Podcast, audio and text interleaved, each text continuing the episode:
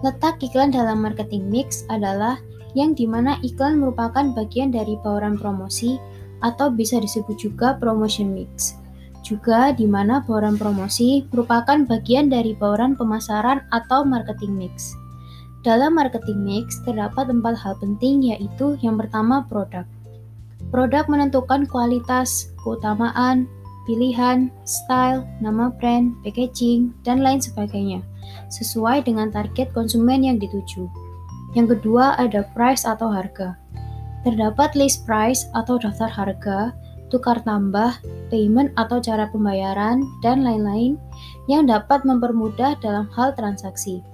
Selain itu juga memberikan keuntungan bagi konsumen dengan memberikan diskon atau promosi. Lalu yang ketiga ada place atau tempat. Di sini produk akan disalurkan atau dipasarkan ke tempat yang di mana kebanyakan konsumen yang sekiranya cocok atau dibutuhkan dengan produk yang dipasarkan. Dengan cara mencari distributor ataupun agen agar mempermudah pemasaran produk tersebut.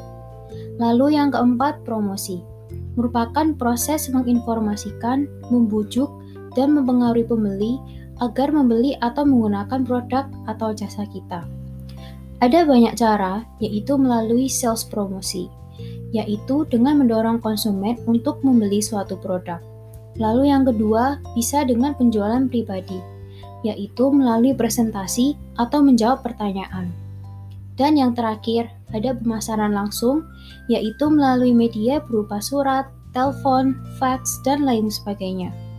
Nah, iklan itu memiliki fungsi untuk menyampaikan pesan atau informasi produk.